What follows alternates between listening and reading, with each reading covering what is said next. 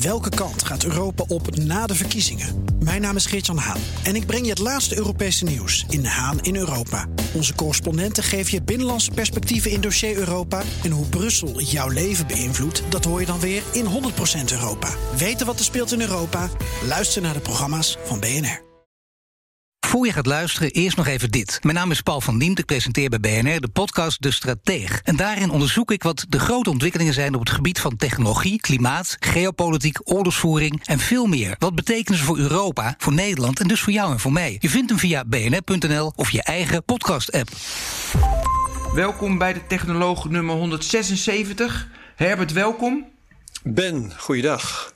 Hoe is het Goeiedag. daar? We gaan, ja, goed. we gaan het hebben over Lightyear. En dat vind ik, de auto. Eh, maar dat vind ik heel lastig in deze coronatijd. Maar ik ben met de Lightyear al twee jaar, denk ik, bezig. Dus ja, dat doen we, Zo. doen we toch. Ja, ik- Goed opgelet. ja, dit was leuk. Want ik kwam namelijk Tessie Hartjes. Die kwam ik... eh, Tessie, welkom. Hi, goedemiddag. Je bent de VP of Marketing bij Lightyear. Hoe lang geleden kwam ik jou bij BNR tegen? Is dat 2,5 jaar geleden ongeveer? Zo, ja, dat, eh, als dat 2,5 jaar geleden is, Ja, dan is echt. dat in, de, in het prille begin van Lightyear geweest. Niet normaal, hè?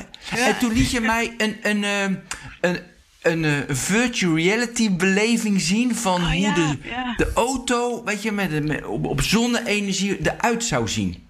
Ja, die heb ik toen eh, in jullie kantoor opgebouwd helemaal. Precies. En toen een dag daarvoor waren jullie bij voor mij één vandaag. En dat was op tv. En toen zei mijn vrouw direct: Ben, die auto moet je bestellen. Maar ja, die auto is 150.000 euro. Dus die kan ik helemaal niet bestellen. Mooi is dat, hè? Ja, ik vertelde ik zit nog te niet. wachten, maar, eh, maar je kan eh, Ja. sowieso die auto niet meer bestellen tegenwoordig eigenlijk. Nee? Nou ja, wij hebben, Waarom niet? Nee, ik zat eerder, eh, zoals, zoals je zo, zo mooi noemt, aan de saleskant. Eh, maar wij hebben onlangs besloten om, eh, om de auto niet meer weg te zetten via een eh, bestelling of een reservering.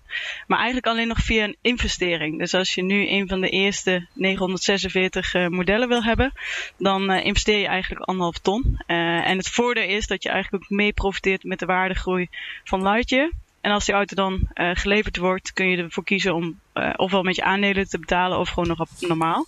Eh, maar de, de, ja, het hele idee van ik bestel of ik koop een auto hebben we een beetje aangepast. Hey, heel erg interessant. Vind ik ja, gelijk. We moeten nog hele andere dingen bespreken, maar je triggert me direct. Dus ik betaal 150.000 euro. Wat is dan nu de waardering van hoeveel. dus welk zeg maar, percentage aandelen krijg ik dan? Want wat is de wa- waardering er nu van Lightyear? Nou, dat is een goede vraag. En eh, eigenlijk de waardering, eh, op een gegeven moment bepaal je die samen met investeerders. En we zitten nu midden in in eh fundraising traject. Dus op dit Ja. moment zou ik dat niet eens kunnen en durven zeggen. En, en die investering die je doet, is eigenlijk een converteerbare lening. Dus je, dus, Ja, tuurlijk, ja. ja, dus je converteert meer op de waardering die wij straks voor Straks onze- krijgen. Ja, met de Series A. Eh, dus we zijn nu eh, fundraising aan het doen, onder andere in Amerika. Eh, en in dat traject wordt straks de waardering bepaald en daar converteer je dan op mee. Ja, en in de seed, hoeveel is, het, hoeveel is het tot nu toe opgehaald? Eh, iets meer dan eh 35 miljoen in totaal. En dat is dan, daar zit dan een deel, klein deel subsidies bij. Bijvoorbeeld ook Europese subsidies. En voornamelijk zijn we dat eigenlijk ook van die converteerbare leningen. Ja. Eh, waarbij je dan inderdaad ziet dat dat eh, angel investors, eh, families uit Europa, eh, dat type investering zijn. En wat we dus zagen en waarom we ook die propositie aangepast hebben, is dat eigenlijk een hele grote overlap zit in onze groep investeerders. En de mensen die eh, een voorreservering hebben geplaatst voor de auto. Dus dat bijna nou, ja, drie kwart van de mensen die een, een, een eh, reservering hadden gedaan, hebben ook een investering gedaan. Bijna iedereen wil gewoon die auto. Ja, nee, je- ja, je- ja, je wordt echt een beetje onderdeel van het bedrijf. En je, en je wil Ja. dus, ja, mee mogelijk maken dat die auto's op de weg komen. ja, dus, maar die eh, 946, heb je die dan nu nog niet? Die heb je toch al lang, hoop ik? Eh, of, de, of de orderlist vol is. Ja? Nee, nog niet. En, en Hoe kan heeft- dat nou? Nou ja, kijk, uiteindelijk we hebben eh, een half jaar geleden, iets meer dan een half jaar geleden, de auto gepresenteerd. En ik denk dat voor enorm veel mensen. eh, dus we hebben een heel groot mediabereik gehad. Maar dat is eigenlijk de eerste keer dat mensen van Lightyear gehoord hebben. En vaak moeten mensen toch dingen vaker zien om, eh, om, om, om iets meer getriggerd te zijn. Dus in Nederland hebben we. Maar zelfs in Nederland merk ik dat er nog mensen zijn die Lightyear niet kennen. Wat eh, voor mezelf dan ook wel weer een wake-up call is. Van hé, hey, ja, weet je, het Mhm. kost toch gewoon veel. Ehm, ja, je moet, je moet mensen Ja. Meerdere keren iets laten zien. En het lastige voor ons in deze fase is, hè, we hebben wel een prototype.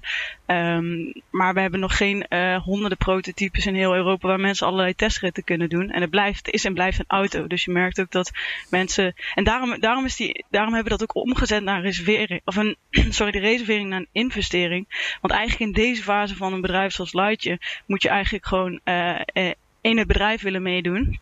En daarom geven we ook de optie om straks te beslissen of je dan alsnog de auto daar uh, voor uh, afneemt of niet. Omdat we gewoon, ja, ja, je hebt hem nog niet kunnen testrijden. Dus op die manier willen we wat onzekerheid wegnemen. Um, en mensen ook de kans bieden om natuurlijk ja, mee te profiteren. Misschien moeten we dan ook nu eventjes het gaan hebben over wat voor auto het precies is. Hè? Dat uh, ook luisteraars basis, die het ja. nu horen. Dat, uh, want ja. uh, volgens mij hebben we dat nog niet eens precies gezegd. Het is nee, dus een auto die, die voor 100% op, op zonne-energie rijdt. En, en die voor een deel ook zelf opwekt met zonnecellen op het dak en op de motorkap. Hè? Waar dus geen motor onder zit trouwens. Ja, daar moeten we nog een ander woord voor verzinnen. Ja, het, de kap. Bij ons is het eigenlijk een zonnekap. Want er zitten Ja. ook zonnecellen. Ja, maar goed. Dus uh, in vergelijking met een Tesla, uh, het is, het is een, een auto, een elektrische auto, die je zelden hoeft op te laden. Dat is toch de bedoeling? Absoluut. Dus het, eigenlijk het hele concept is erop gericht dat we, als je kijkt uh, naar de ontwikkelingen uh, wereldwijd, dan zie je dat er eigenlijk al een enorme grote vraag vanuit de markt is uh, naar elektrische auto's. dus de, de, consumenten ja. willen graag elektrisch rijden, maar er zijn best, ja, er zijn nog een aantal barrières. Um, en een, een aantal daarvan uh, lossen wij op met dit concept. Dus de hele afhankelijkheid van ik wil zeker weten dat er een laadpaal is voor mijn deur. Uh, en dan zo'n speciale laadpaal. Uh, onze auto is er echt op gericht dat die met zo min mogelijk energie zo ver mogelijk kan rijden. Wat eigenlijk betekent dat je dus met een gewoon stopcontact um, vrijwel net zo, ver, net zo snel laat als bijvoorbeeld zo'n Tesla aan zo'n speciale laadpaal. Met andere woorden, je hebt die wij noemen het leapfrogging the grid. Dus door de auto heel efficiënt te maken en te zorgen dat hij zichzelf oplaadt, heb je veel minder laadbeurten uh, nodig via het net. En uh, eigenlijk mm-hmm. die infrastructuur, die speciale infrastructuur niet nodig. Waardoor je veel sneller kan schalen, ook naar gebieden waar nu nog geen laadpunten te vinden zijn. Ja, ja. Ik, ik, wil het graag even hebben over die zonnepanelen op, op het dak en die motorkap zonder motor. Um, ik heb zelf wel eens een keertje op de achterkant van een envelop zitten uitrekenen. Hè. Zou dat kunnen? Een auto die, uh, die rijdt op alleen maar uh, een zonnecel die die zelf bij zich heeft. Nou, dan kom je er al gauw achter dat um, al rijdend dat je dat nooit gaat halen. Want wat je op een bepaald moment opvangt op, op dat oppervlak wat een auto dan heeft, dat is niet genoeg om die auto op dat moment te laten rijden. Als je de auto een deel van de, de tijd dat hij stilstaat ook nog laat opladen via zo'n zonnepaneel, dan, dan kom je al meer in de buurt. Maar toch, achterkant van mijn envelop liet zien dat dat uh, echt niet ging lukken. En jullie krijgen dat voor een deel, grotendeels wel voor elkaar. Um, door allerlei ingrepen te doen. Hè? Door op allerlei manieren.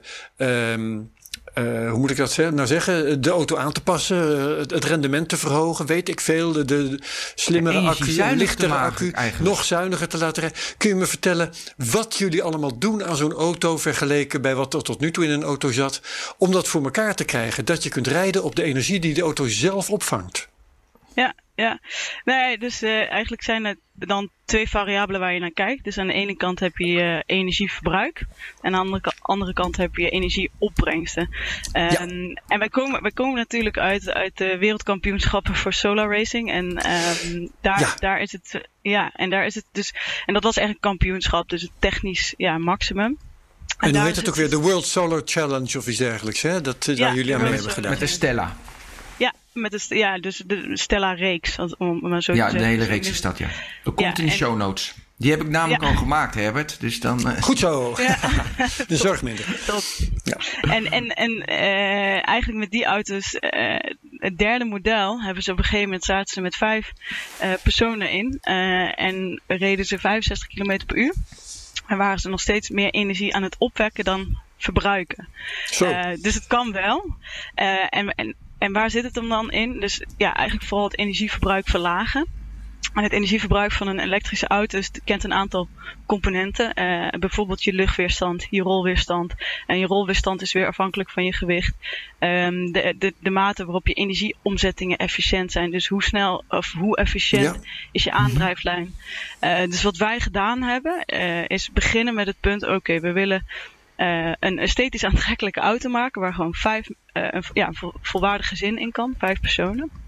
Uh, dus, en die willen we zo lang mogelijk op diezelfde uh, zonne-energie laten rijden. Dus je gaat uh, ja. het mak dus je gaat het, de, je, je, energy yield, de opbrengsten, ga je proberen te maximaliseren en je energieverbruik minimaliseren. Um, en aerodynamica is bijvoorbeeld een van de uh, meest significante onderdelen daarvan. Uh, dus we hebben een, dat zie je ook als je de auto ooit gezien hebt. Dus dit is een druppelvormige auto, zeg maar. Een de stroomlijn. Gestroomlijnd, ja. Ja, een gestroomlijnde ja. auto. Um, en eigenlijk een van de basiskeuzes die wij gemaakt hebben is om te focussen op endurance. Dus echt inderdaad met dezelfde energie zoveel mogelijk kilometers rijden. En dat is een iets andere keuze dan bijvoorbeeld een Tesla. Um, zij hebben gezegd, nou ja, wij willen elektrische auto's aantrekkelijk maken en we zetten in op acceleratie, zo snel mogelijk van 0 ja. tot 100. Performance. En dan krijg je ja, performance, uh, echt gewoon brute kracht. Ja. En, uh, en wij, wij, zeggen wel eens, het is een beetje een uh, gewicht, body, heb je bodybuilder versus een atleet. Um, dus wij hebben gezegd, nou ja, we hoeven niet zo snel. Dus de eerste 10 seconden zul je nog steeds ontzettend snel zijn. Maar hoeveel, hoeveel, hoeveel? Nou, ik bedoel meer, dus als je optrekt bij het stoplicht ben je nog steeds heel snel weg. Sneller dan... Ja, maar ik wil, gewoon, ik wil ook nu getallen horen. Ja, ja, dus van 0 tot 100. Uh, nou ja, we zeggen het zal onder de 10 seconden zijn, maar we zitten op dit oh, okay. moment uh, tussen de 8 en 9 seconden. hey, een Model...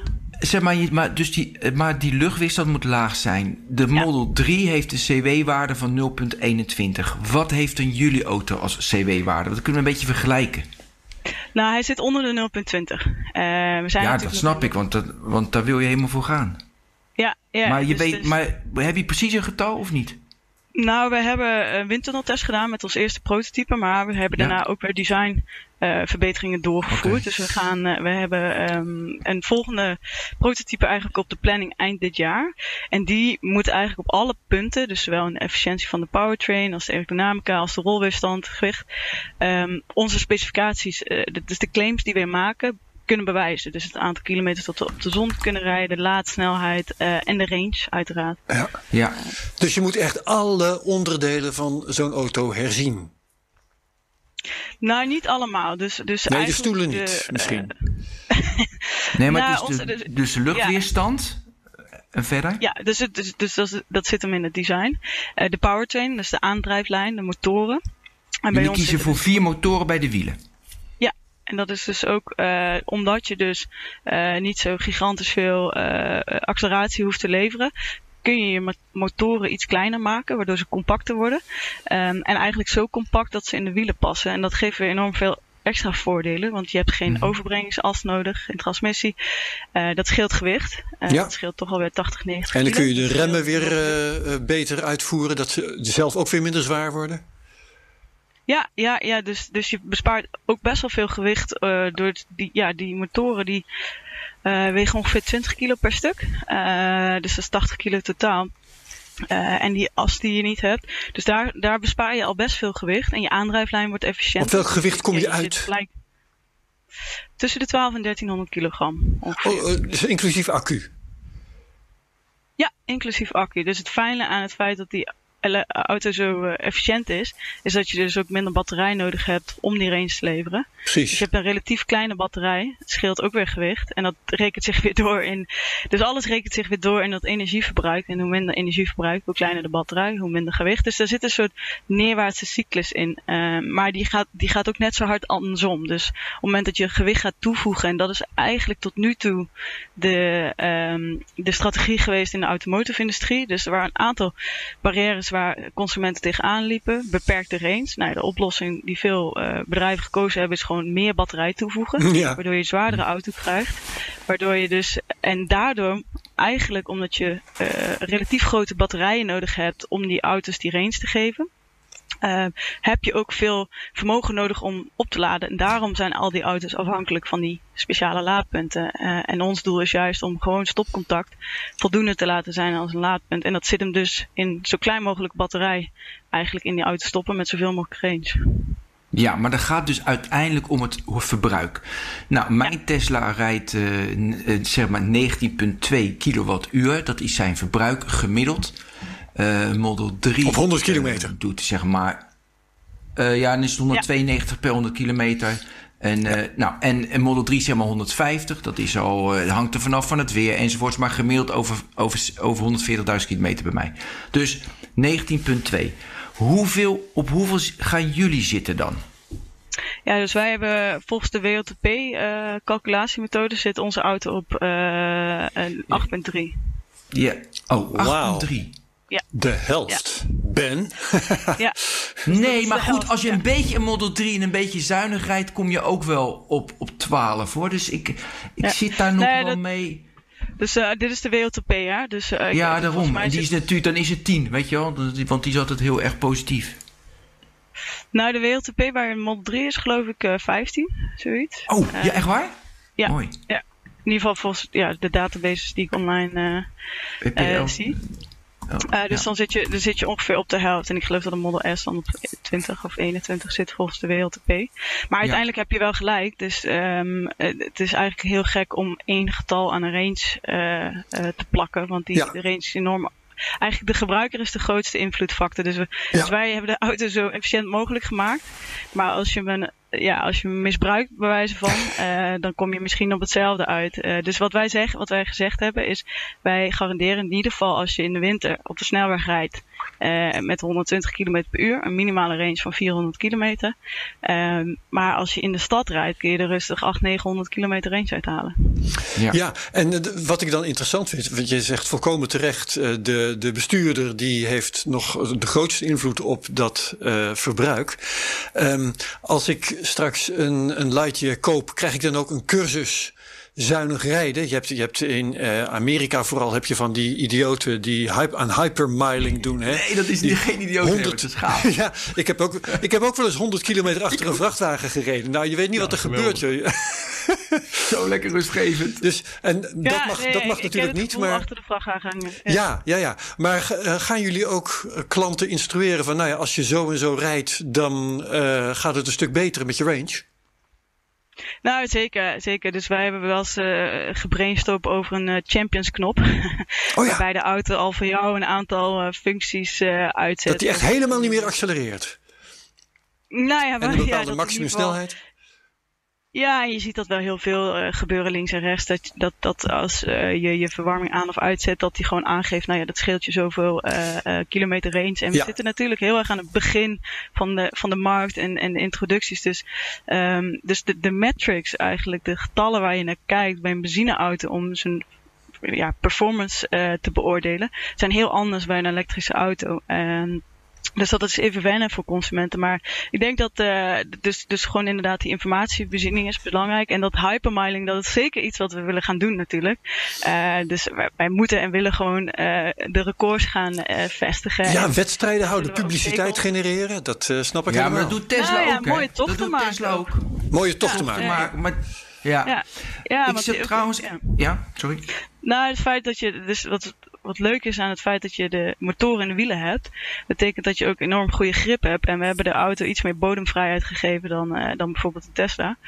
Uh, dus in die zin, omdat die ook onafhankelijk is van, ja, je kan eigenlijk naar elke off-grid location, zoals we dat noemen, rijden en daar een week stil gaan staan. En dan is die daarna weer opgeladen en dan ga je weer terug. Dus je kan. Ja, en, dat en, is wel romantisch hoor. Want ik zou Ja, zo ja. graag naar Vladivostok willen rijden met, met een auto. En maar liefst met een elektrische auto. En uh, nou, dat is mooi. Je gaat naar Vladivostok. En dan moet je, ja, dan moet je natuurlijk drie jaar over doen. Want, En ik zal je geheim verklappen. Dus we hebben de achterbank zo gemaakt dat je er helemaal plat. Dus hij heeft, het is, een- ja, precies. Ja. En er Wat komt, een romantiek. ja, en er komt een stok, eh, stopcontact, een normaal stopcontact. We willen, we, we willen drie normale stopcontacten eigenlijk in de auto stoppen. Eh, Ja. Twee of drie geloof ik. Eh, zodat je ook daar nou ja, nog eh, voorzieningen Dat hebt. is voor geweldig. Het apparaatje, zeg maar. Ja. Hoe groot is de, eh, hoe, eh, hoe, hoe groot is de accu die erin komt? het accupakket is rond de 60 kilowattuur zal het zijn. Dat is toch wel veel nog dan, hè? Als je Ja, zo dus- zuinig rijdt. Eh, ja, En maar je krijgt daarvoor wel, eh, dus je krijgt daarvoor wel eh 725 kilometer WLTP-range. En eigenlijk Mhm. in een nacht opladen met een gewoon stopcontact kun je 300, 400 kilometer bijladen. Ja. Dus ja, de, de, kijk, als start-up eh, moet je ergens heel erg goed in zijn. Dus als jij iets beter bent dan de rest, dan wordt het heel moeilijk. En zeker in de markt waar wij in zitten. Dus wij hebben gezegd, oké, wij gaan eh, dus qua efficiëntie steken we ver boven de rest uit. En dus ook qua range.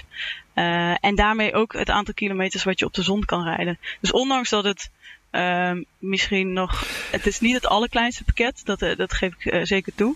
Maar het biedt wel de meeste waarde in die zin. Ja, wil, wil je nu eh, eh, meer vertellen over zo lang mogelijk op de zon rijden? Dus hoe effectief zijn die zonnecellen? Dus de geschiedenis daarvan en hoe dat eh, verbeterd is? Of zijn het gewoon standaard zonnecellen die jullie op een marktplaats kopen ergens in China?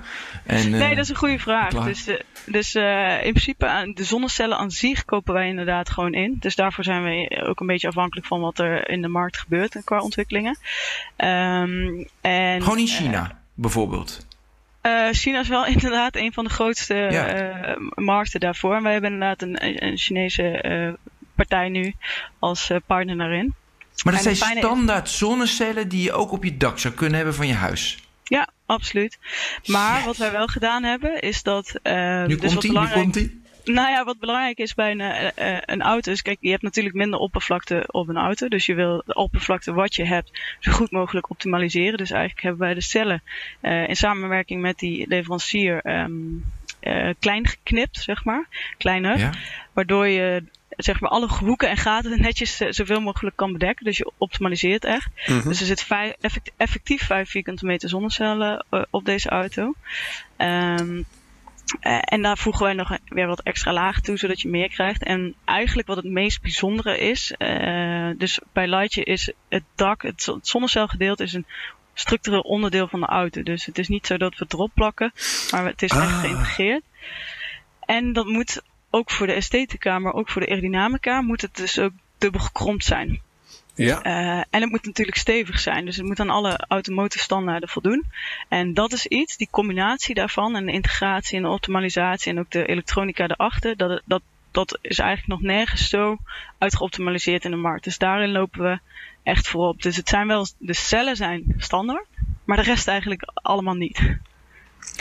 En ook hoe je zeg maar in de software met die energie die erin komt omgaat. Is dat ook speciaal of, of niet? Ja, dus, dus eh, ehm, het probleem is als je hem dubbel gekromd maakt, heb je wel een aerodynamische en, en ja, esthetische auto. Ehm, maar je verliest wel in die zin als de, de, de, de zonne-energie valt niet gelijk op het paneel. En normaal gesproken is alles in serie geschakeld. Dus dan verlies je, ben je eigenlijk zo goed als je zwakste schakel. Eh, en dan kan je dus efficiëntie verliezen.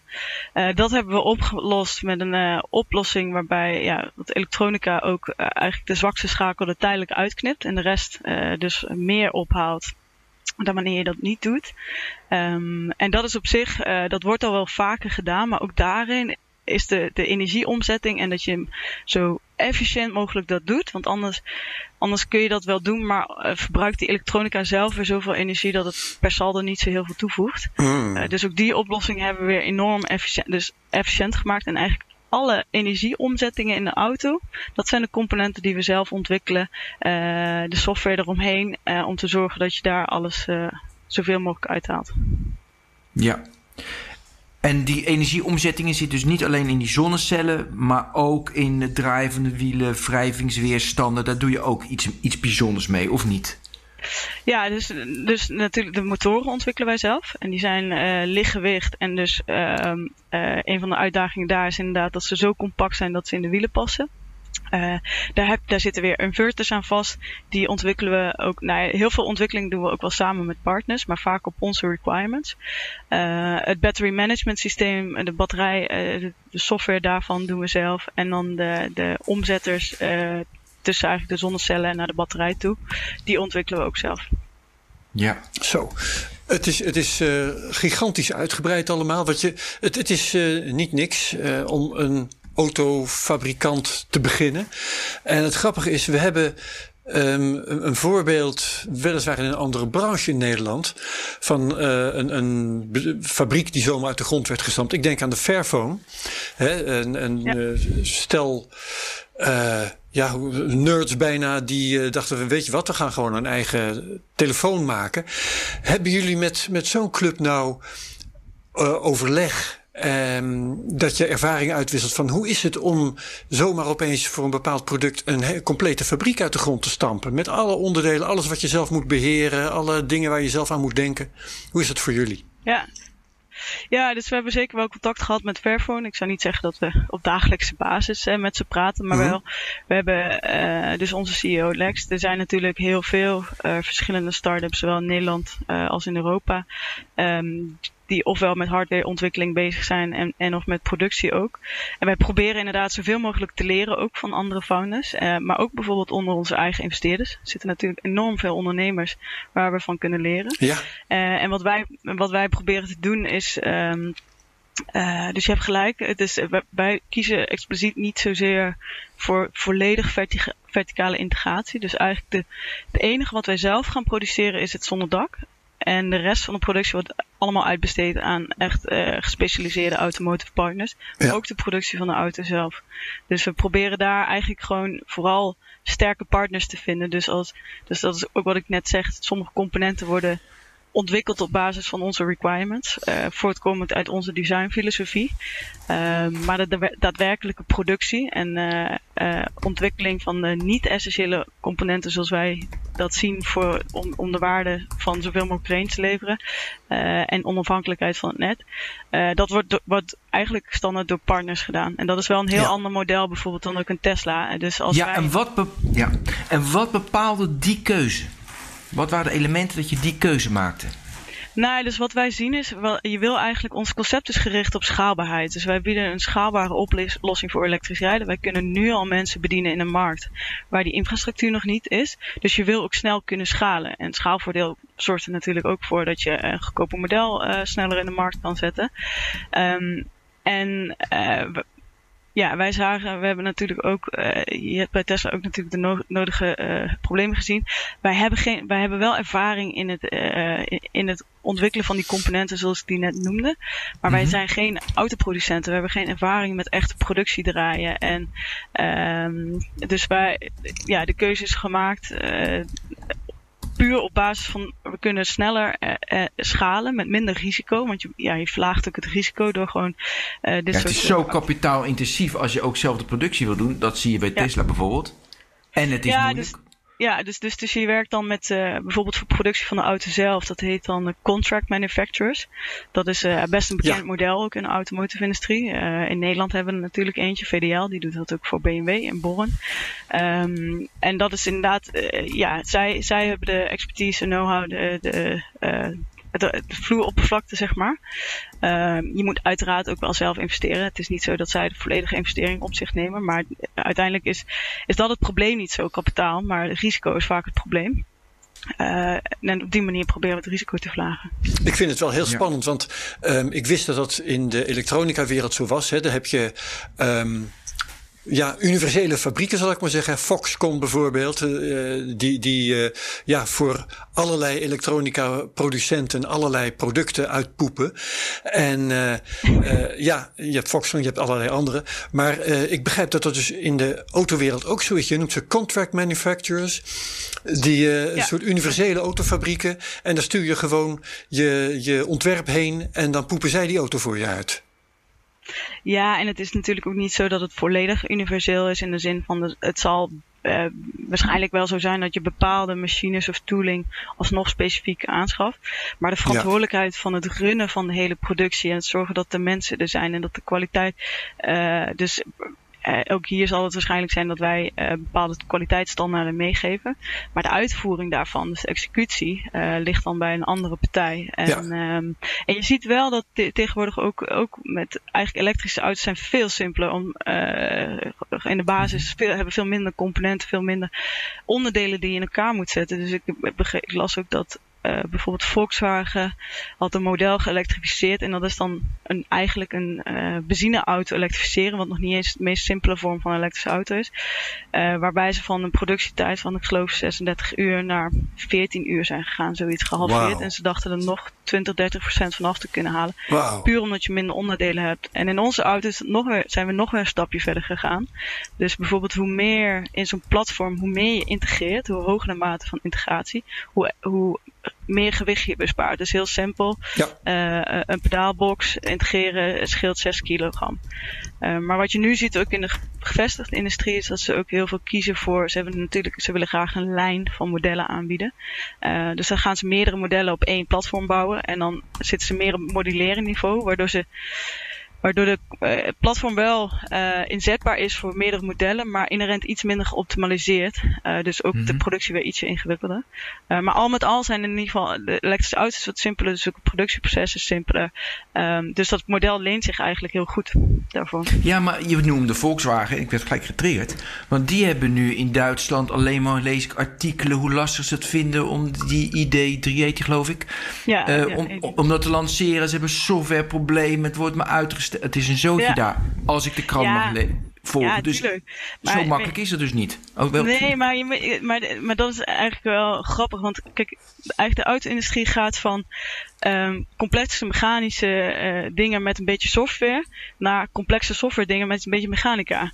Uh, en, ja. en een Volkswagen is heel goed in die mechanica, maar het zijn totaal geen Silicon uh, Valley startup softwarebedrijven. Dus, de, dus de, en ik, ik heb een paar keer proberen te zoeken om het te factchecken, maar ik heb ooit een keer gelezen dat het aandeel, de grootte van het, het, team software bij Volkswagen ongeveer 5 of 10 procent is op het totale engineering team, terwijl dat bij Tesla 25 procent is. En bij ons is het ongeveer 20%. Dus je, bent, je zit.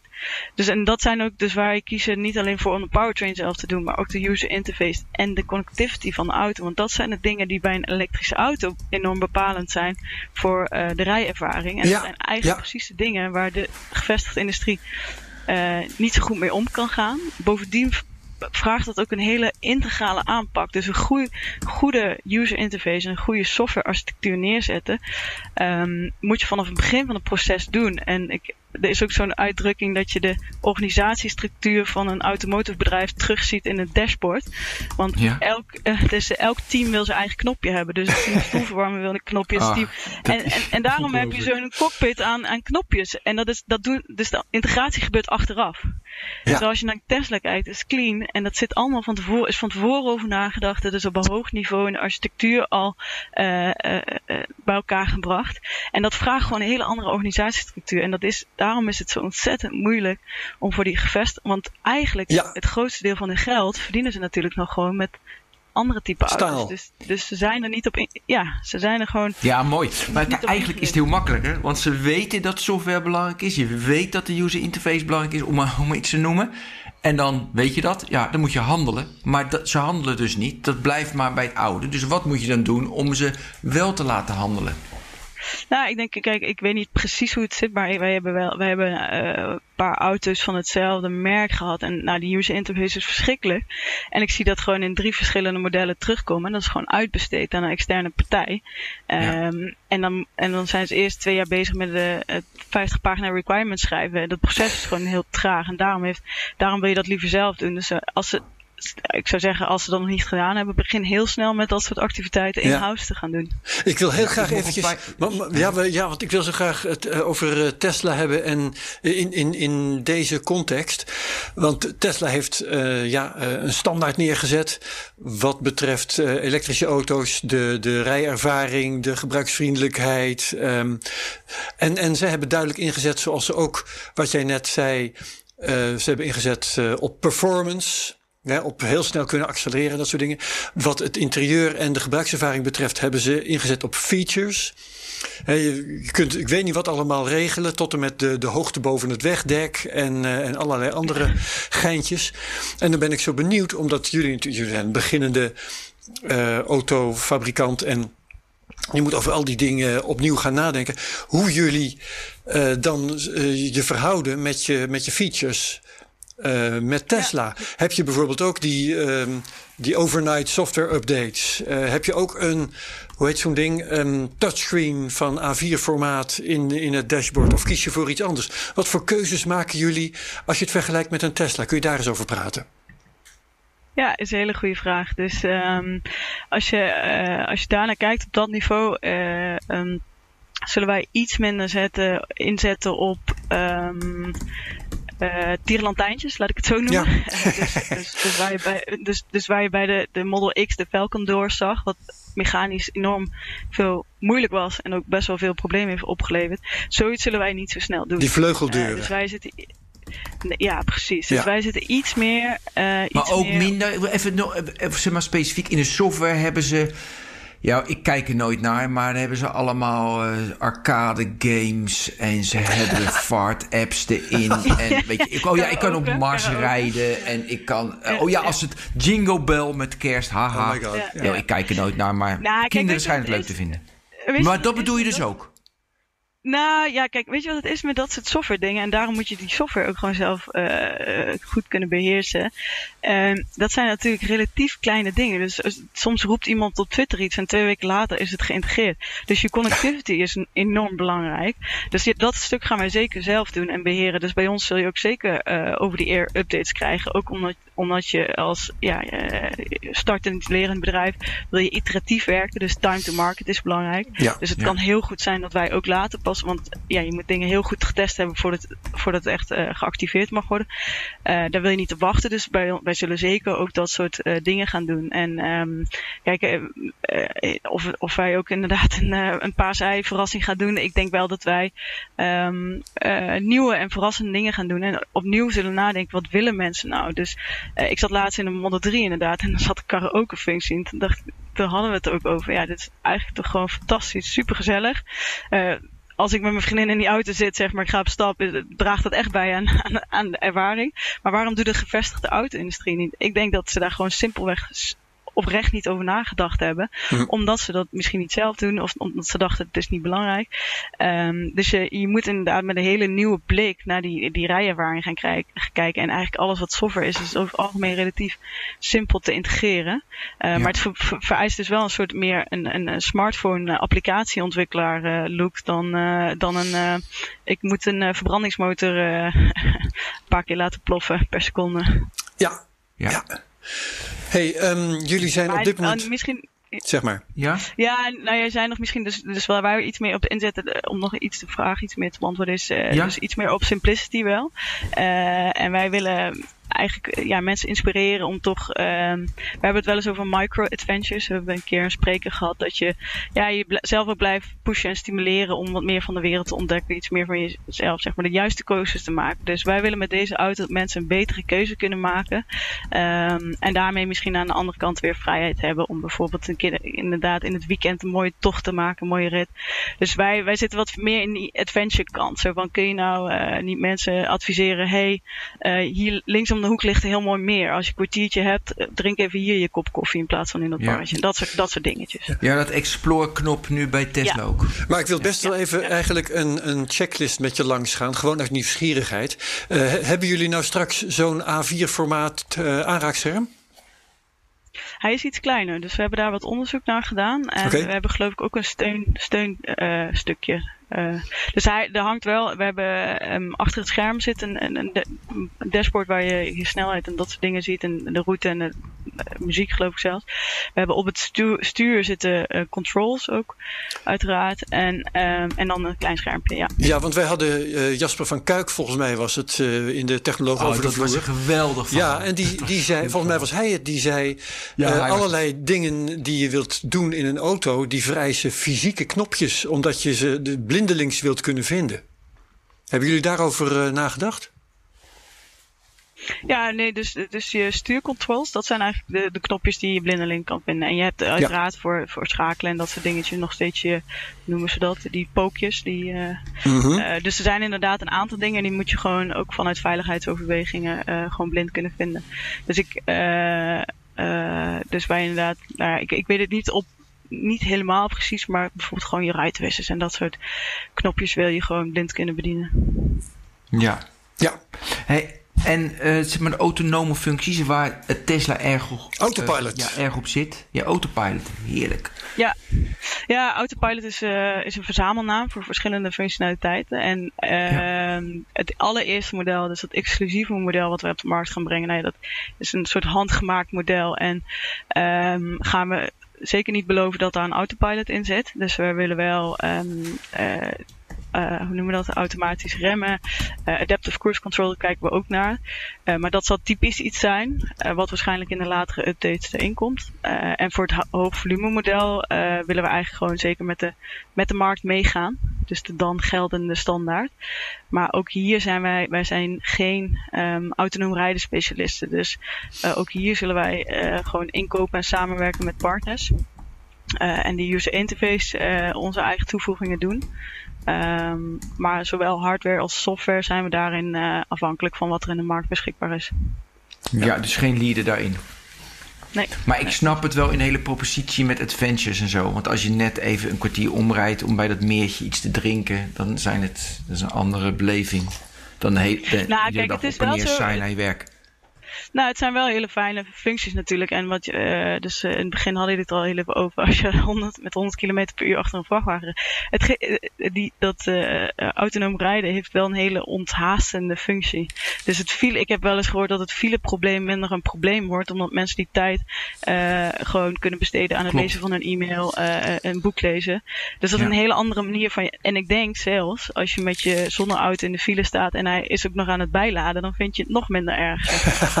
Ja. Geld verdienen terwijl je in de file staat. Ja, in Ehm, principe wel. Ja, ja, ja. Hey, jullie zijn nu aan het produceren, klopt dat? Ehm, we zijn eigenlijk nu bezig met het eh, ontwikkelen van onze core technologie. Dus eh, Oké. aan het einde van het jaar eh, zullen wij een volgend prototype eh, af hebben. En het prototype wat we hebben laten zien, eh, ehm, nou ja, zegt dat het 95% het eh, design gaat zijn, eh, interieur, exterieur. Ehm, maar onder de zonnekap, onder de zonnekap zaten Ja. er nog niet alle componenten in die wij zelf ontwikkelen. En dat is straks wel zo. Dus dit jaar is de focus echt de core van onze technologie eh, ja, naar een, een, een, het juiste niveau krijgen. En daarna kun je daarnaast parallel ook natuurlijk de auto ontwikkelen, maar daarna kun je gaan schalen, meerdere prototypes bouwen, eh, Ja, ja, ja. testen en eh, uitleveren. Dus jullie hebben nog een heel pad voor. Kun je dat, de, de agenda eventjes met ons doornemen? Eh, De roadmap. Ja. We gaan nu de roadmap, roadmap, dat is een prachtig woord hiervoor. Ja, je, je bent dus dit, dit jaar nog bezig met roadmap, prototypes.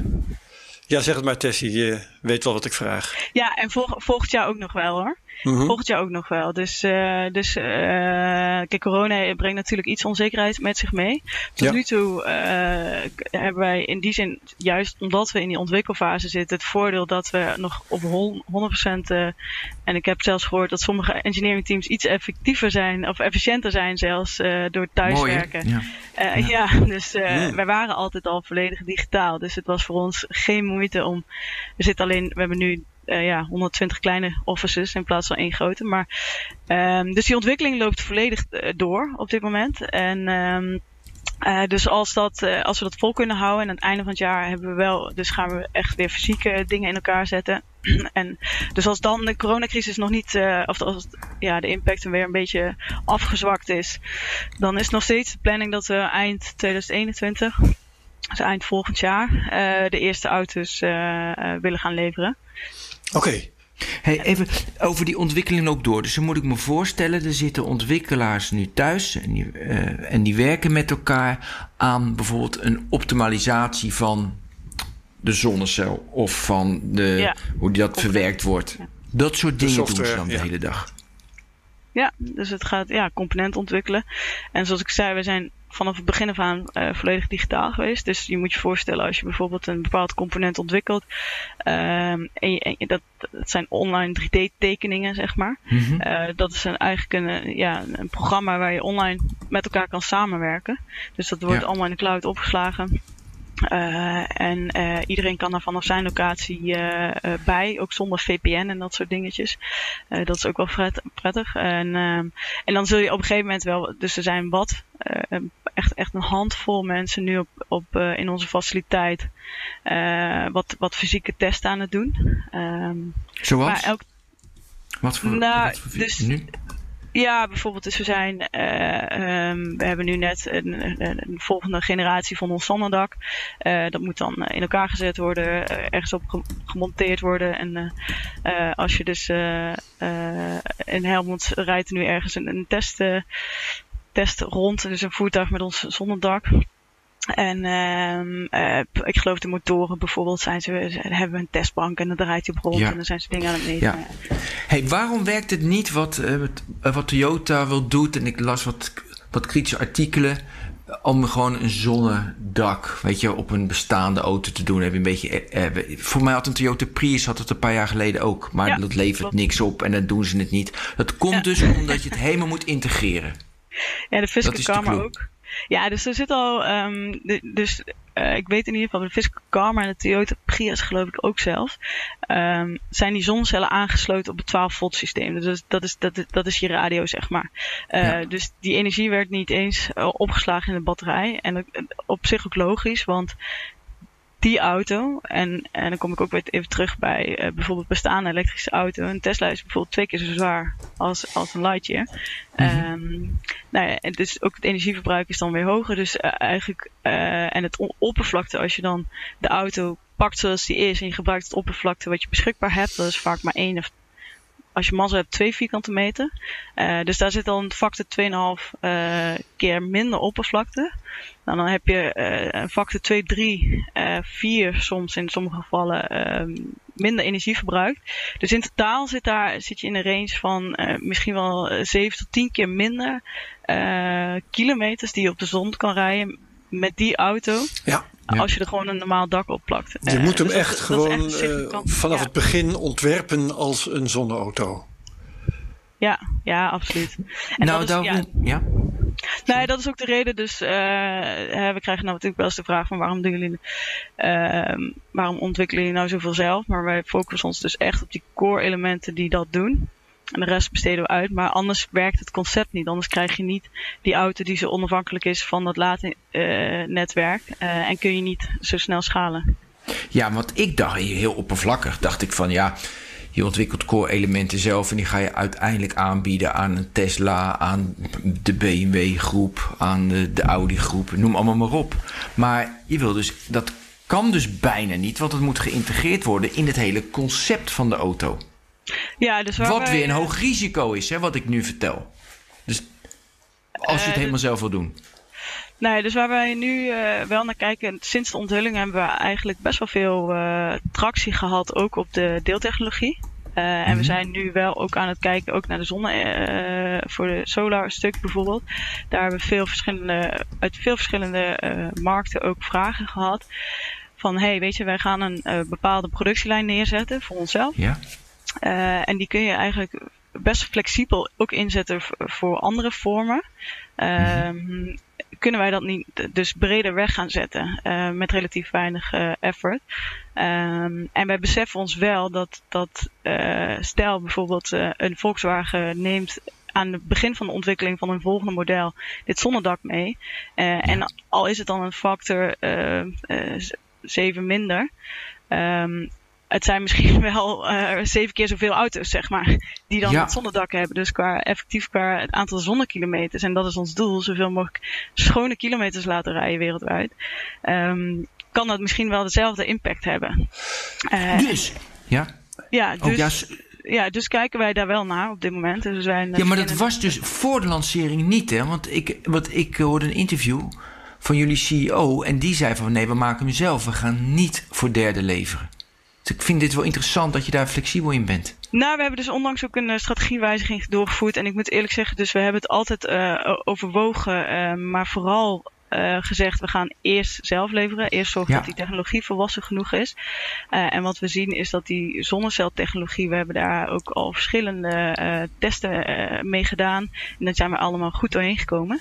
Dus die is eigenlijk best wel wel fair en best wel wel um, nou, market ready. Nog net niet helemaal, denk ik. Mm -hmm. maar daar komen we dit jaar wel heel erg dicht in de buurt. Dus het, we hebben eigenlijk gezegd, in plaats van eerst auto's leveren en dan verder kijken, hebben we gezegd, voor, zeker voor dit onderdeel, laten we nu al kijken wat er is. En eigenlijk al, we hebben, we hebben eigenlijk al een stuk of zeven of acht um, potentiële afnemers en wat, wat uh, demo-projecten gedefinieerd. Waar we nu aan het kijken zijn van hey, hoe kunnen we dat inpassen in onze huidige tijdlijn. Want je moet wel oppassen. Uh, onze hoofddoel nou. blijft nog steeds om, om die auto in de markt te zetten. Uh, dat je niet in deze fase te veel laat afleiden. Uh, maar het is wel heel interessant om nu al die mogelijkheden te verkennen. Ik, ik vind het wel heel mooi, want als je uh, zo'n uh, zo'n zonnedak, hoe je het ook noemt, um, aan een Volkswagen levert. Ja, die kunnen daar nooit mee bereiken wat jullie ermee bereiken, omdat zij hun auto daar niet op hebben toegesneden en jullie wel. Dus dat betekent dat je geld kunt verdienen met uh, je ontwerp, waarvan ik even gemakshalve aanneem dat het met patenten beschermd is en zo. Terwijl, ja. uh, ze, terwijl zij niet kunnen bieden wat jij kan bieden, dus het doet je ook geen schade voor jouw product. Nee, sterker heeft alleen maar voordelen. je markt versterkt. Ik denk dat je je markt versterkt. Dus het, ja. het, het um, dus je, nogmaals, je kan sneller schalen. Um, maar je bereidt mensen ook voor op het idee van zonneauto's. Uh, wij merken ook dat er, dat, dat er uh, vraag is als je online leest. Dat mensen. Dus wij krijgen letterlijk ook van uh, mensen die, die hybride, zelfs die hybride auto's hebben, die maar 50, mm -hmm. 60 kilometer elektrisch rijden. -huh. Die zeggen ja, maar ik, hè, dus je ziet een hele grote correlatie tussen mensen die een elektrische auto rijden en het bezit van zonnepanelen. Dus eigenlijk willen mensen graag al de energie die in die auto gaat, al duurzaam maken.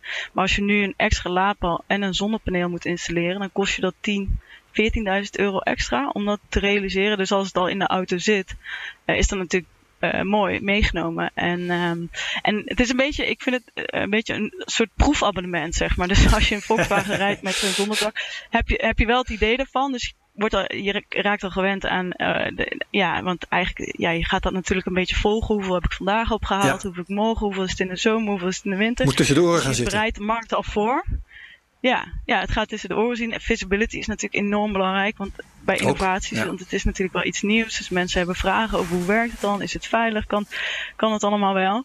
Uh, dus als je een, zo'n partij hebt die dat in één keer op een miljoen auto's uh, plakt. Um, en wij werken toen naar een, een, een productievolume van honderdduizenden auto's in de komende jaren. Uh, kan het wel heel snel gaan. Dus, ik zie daar inderdaad ook alleen maar voordelen in. Ja. Ja. Uh, ja, ja. Nou, ik wil eigenlijk wel eens wat weten over. Uh, want je zei er net 120 uh, arbeidsplaatsen, 120 kantoren heb je nu uh, door het hele ja. land. Jullie hebben 120 medewerkers nu. Klopt ja, dat? om en nabij. Ja, om en nabij. Oké, okay, ja. ik ga even rekenen op de achterkant van mijn envelop. Uh, 120 man. dat, dat, zijn een kosten van 12 miljoen per Precies. jaar aan een ton, een ton per persoon heb je ongeveer. Een ton persoon. En jullie hadden 35 miljoen nou, ja. opgehaald. Reken maar uit. Over drie jaar ja, ben je blut. Ja, de business case even doornemen, Tessie. ja. Dat vinden wij boeiend. Ja, nee, nee, nee, zeker. Nee, ja, wat ik, wat ik, uh, de, de opmerking die we maken is dat uh, we hebben het voordeel dat in Nederland, uh, we hebben ook aantal subsidieregelingen waarmee je dus de loonkosten wel een beetje uh, lager kan houden, gelukkig. Mm. En, um, en als je kijkt, dus we hebben een benchmark gedaan. Uh, we hebben eigenlijk de hele geschiedenis van Tesla uh, um, uitgewerkt. Op basis van alle documenten die we konden vinden.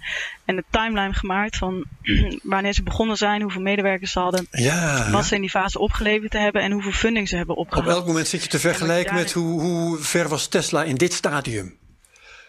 Ja, tuurlijk. Dat is natuurlijk een, een, case waar je van kan leren. Ja. En dat schetst een beetje perspectief. Uh, en um, dus als je daar dan kijkt, uh, dan heb, zijn, zijn we, zitten we eigenlijk vrijwel parallel. Echt uh, op orde grootte 1 of 2 miljoen. Qua funding die we opgehaald hebben in dezelfde periode. Wat goed. we, zijn, we, hebben, we hebben alleen wel wat meer uh, medewerkers. Um, maar die zijn in Nederland dus ook iets goedkoper dan bijvoorbeeld in Silicon Valley. Dus, dus je kunt nu ook uitrekenen wanneer jullie 6 miljard waard zijn. Nou ja, absoluut. En Tesla is niet de enige. Er zijn er, er, zijn er meer dan genoeg. Dus natuurlijk, wij ja. hebben hele benchmark uh, reports laten maken uh, uh, over valueringen en dat soort dingen. Um, en en, en de, de potentie van de markt voor elektrische auto's is gewoon enorm groot. En da daar hangt dat natuurlijk voor een heel groot deel mee samen. Ja. Uh, dus dat is zeker interessant. Tesla zat natuurlijk wel iets in een iets, iets andere tijd. En zij hebben ook een iets ander model gekozen in het begin. Ze zijn begonnen met het ombouwen van die, uh, van die Roadster. Ja. Dus er zijn wel wat verschillen natuurlijk. Maar uh, het, is wel, ja, het is wel goed om dat te zien inderdaad. Dus je hebt niet een miljard nodig vanaf dag één. Ja, nou ja, volgens mij is het ook het verschil. Jullie, als ik zo naar kijk, oppervlakkig, dan heb ik van hé, hey, die zonnecellen, technologie, hoe jullie daarmee omgaan, dat moet het unieke zijn. Dus dat is de basis. Ze hadden natuurlijk die Tesla Roadster, dat was de basis. En, ja, en daar bouw je vanuit verder. Ja. Hoe zit het met, uh, met het ophalen van het geld? Want het is natuurlijk zo'n kapitaalintensieve business. Ja, nou ja, dus, eh, dus wat je wel merkt is inderdaad, je bent in die zin een bijzondere start-up. Uh, dus um, je hebt venture capital nodig, dus durfkapitaal in ja. deze fase. Je hebt, uh, we zitten toch in een hardware business. Ja. Uh, maar er is enorm veel kapitaal beschikbaar. Uh, zelfs nu nog. Dus ondanks dat, de, dus wat wij merken aan de corona uh, impact is eigenlijk wat snelheidsverlies, maar niet zozeer tractieverlies. Dus, en zeker de eerste nou ja, maand terug was het echt even nog heel even van wat gebeurt er? En waren mensen, denk ik, zeker twee, drie weken bezig met intern gericht.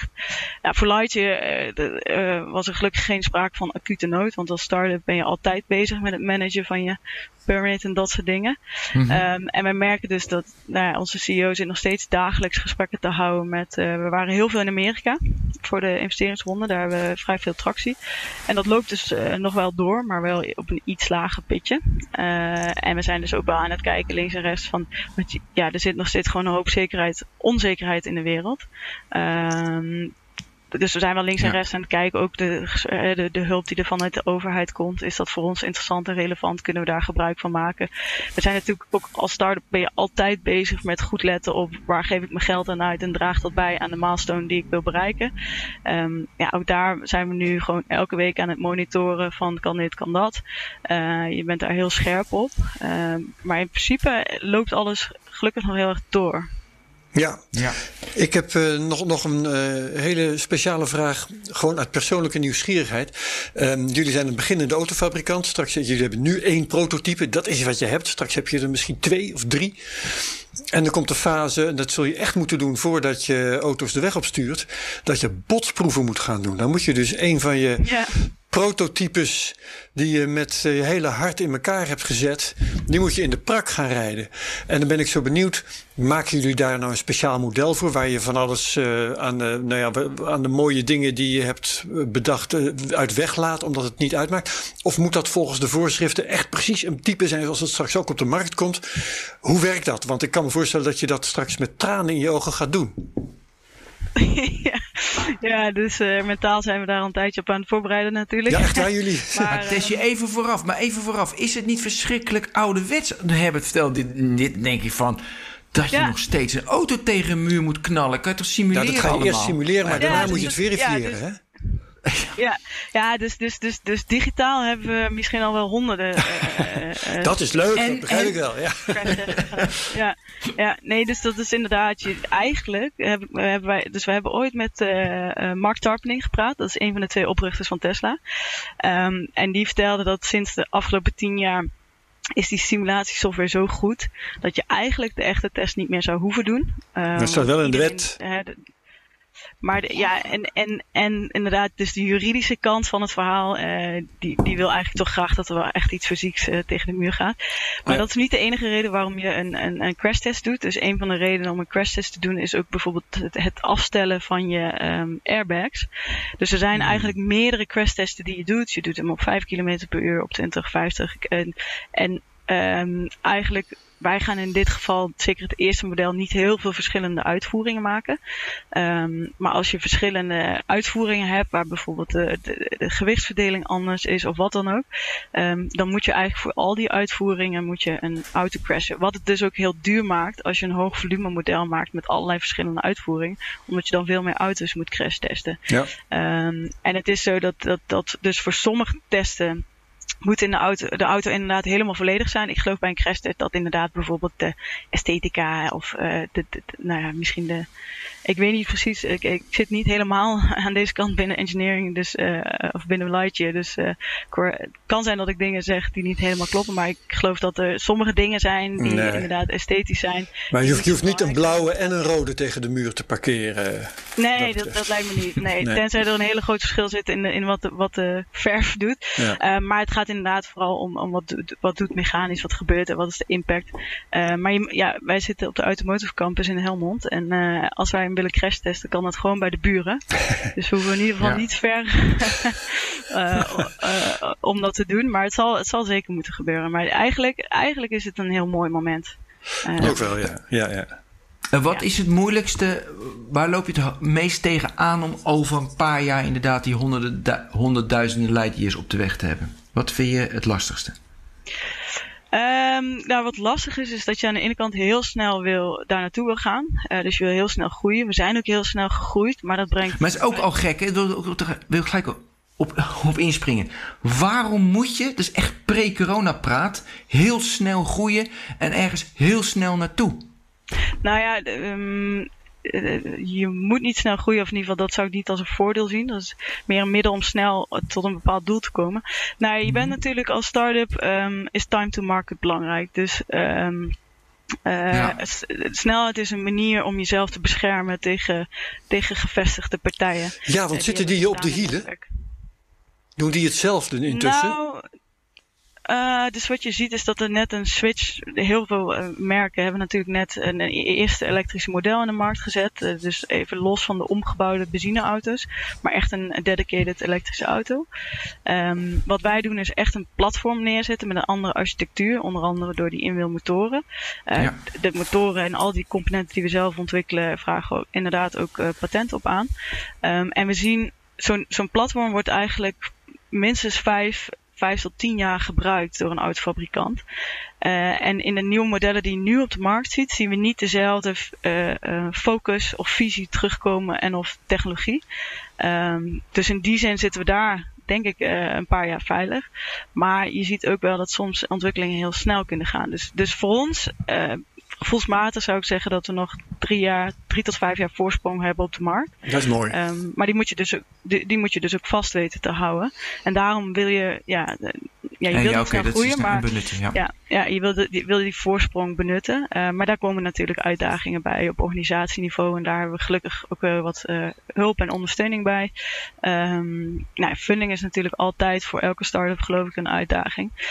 dus dat. En ik denk dat... Um, ja, ontwikkeling eh, kost tijd, maar daar, daar zijn we eigenlijk eh, heel. Um, uh, daar hebben we goed vertrouwen in. Dus we hebben natuurlijk in die zonne Solar Challenges al bewezen dat het concept werkt. Dus het is meer, je zit meer in de executie. Mm uh, en daar heb je goede mensen voor nodig. En ik denk dat we in die zin ook in een uh, competitieve omgeving zitten in de Brainport regio.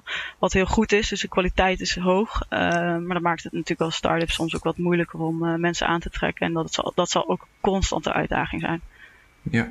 Nou ja, nu is het makkelijker hè, in de coronatijd. Want ik las in het FD dat uh, nu allemaal uh, de, de, developers in vaste dienst willen en graag zekerheid willen. Ja, ja, ja. ja. start-up ja. zeker is ook in tweede. Hè, maar... Ja, precies. Dat is dan nog weer de volgende vraag. Dus, uh, maar dat, dat is eigenlijk net zoiets als... Uh, dus onze start-up, daar, daar, daar, zit ook een bepaalde motivatie achter van mensen. En daar gaat het om. Dus het gaat echt ja, je moet erin geloven, ja. Ja, precies. Ja. Ja. Uh, Herbert, je krijgt de gelegenheid tot de laatste vraag. Ik heb er geen meer. Volgens oh, ik heb er dan nog één. Nou, dan heb ik tot slot... Kijk, Tessie, wat heel interessant is. Wij hebben nu 176 afleveringen gemaakt. En het, ik ben nog nooit zo in deta detail gebriefd door een PR-medewerker. Ze luistert nu ook mee, maar ze zegt niks. Is dat noodzakelijk? We hebben Microsoft gehad, we hebben alle grote bedrijven gehad. Dit is voor mij echt unieke ervaring. Is dat bewust? Hebben jullie slechte ervaringen? Of, of waar komt dat vandaan? Want het, het verbaasde me. Oh nee, nee, nee, we hebben geen slechte ervaringen. En uh, ik denk dat. Uh, heel professioneel, hè? Dat, ik geef helemaal ja, toe, maar het verbaasde me wel. Nee, dus, dus ik denk dat ik als we weer terug. Dus als start-up is eigenlijk het allerbelangrijkste uh, wat je nodig hebt. Het begint gewoon met een enorm goed team. Gedreven mm -hmm. mensen. En, ja. en wat wij, waar, waar, wij ook heel veel mee bezig zijn, is uh, zoveel mogelijk proberen te leren. Dus, uh, ja. dus dat zit hem in voorbereiding, dat zit hem in debriefing, pre-briefings. dus niet zozeer. Um, um, Nee, dit, dit, absoluut niet omdat ja, okay. we slechte ervaringen hebben, maar vooral omdat we het gewoon.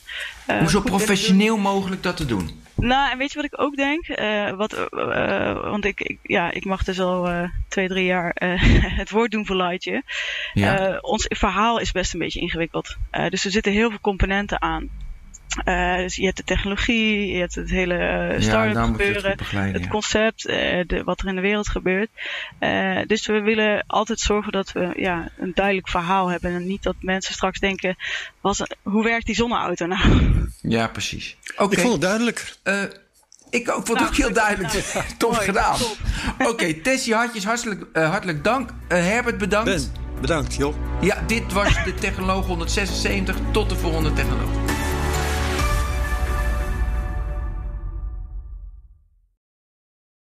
Ook Diana Matroos vind je in de BNR-app. Ja, inderdaad. Je kunt live naar mij luisteren tijdens de Big Five. Ook handig in de BNR-app. Breaking nieuwsmeldingen, maar ook het allerlaatste zakelijke nieuws. En je vindt in de app alle BNR-podcasts, waaronder Wetenschap Vandaag. Download nu de gratis BNR-app en blijf scherp.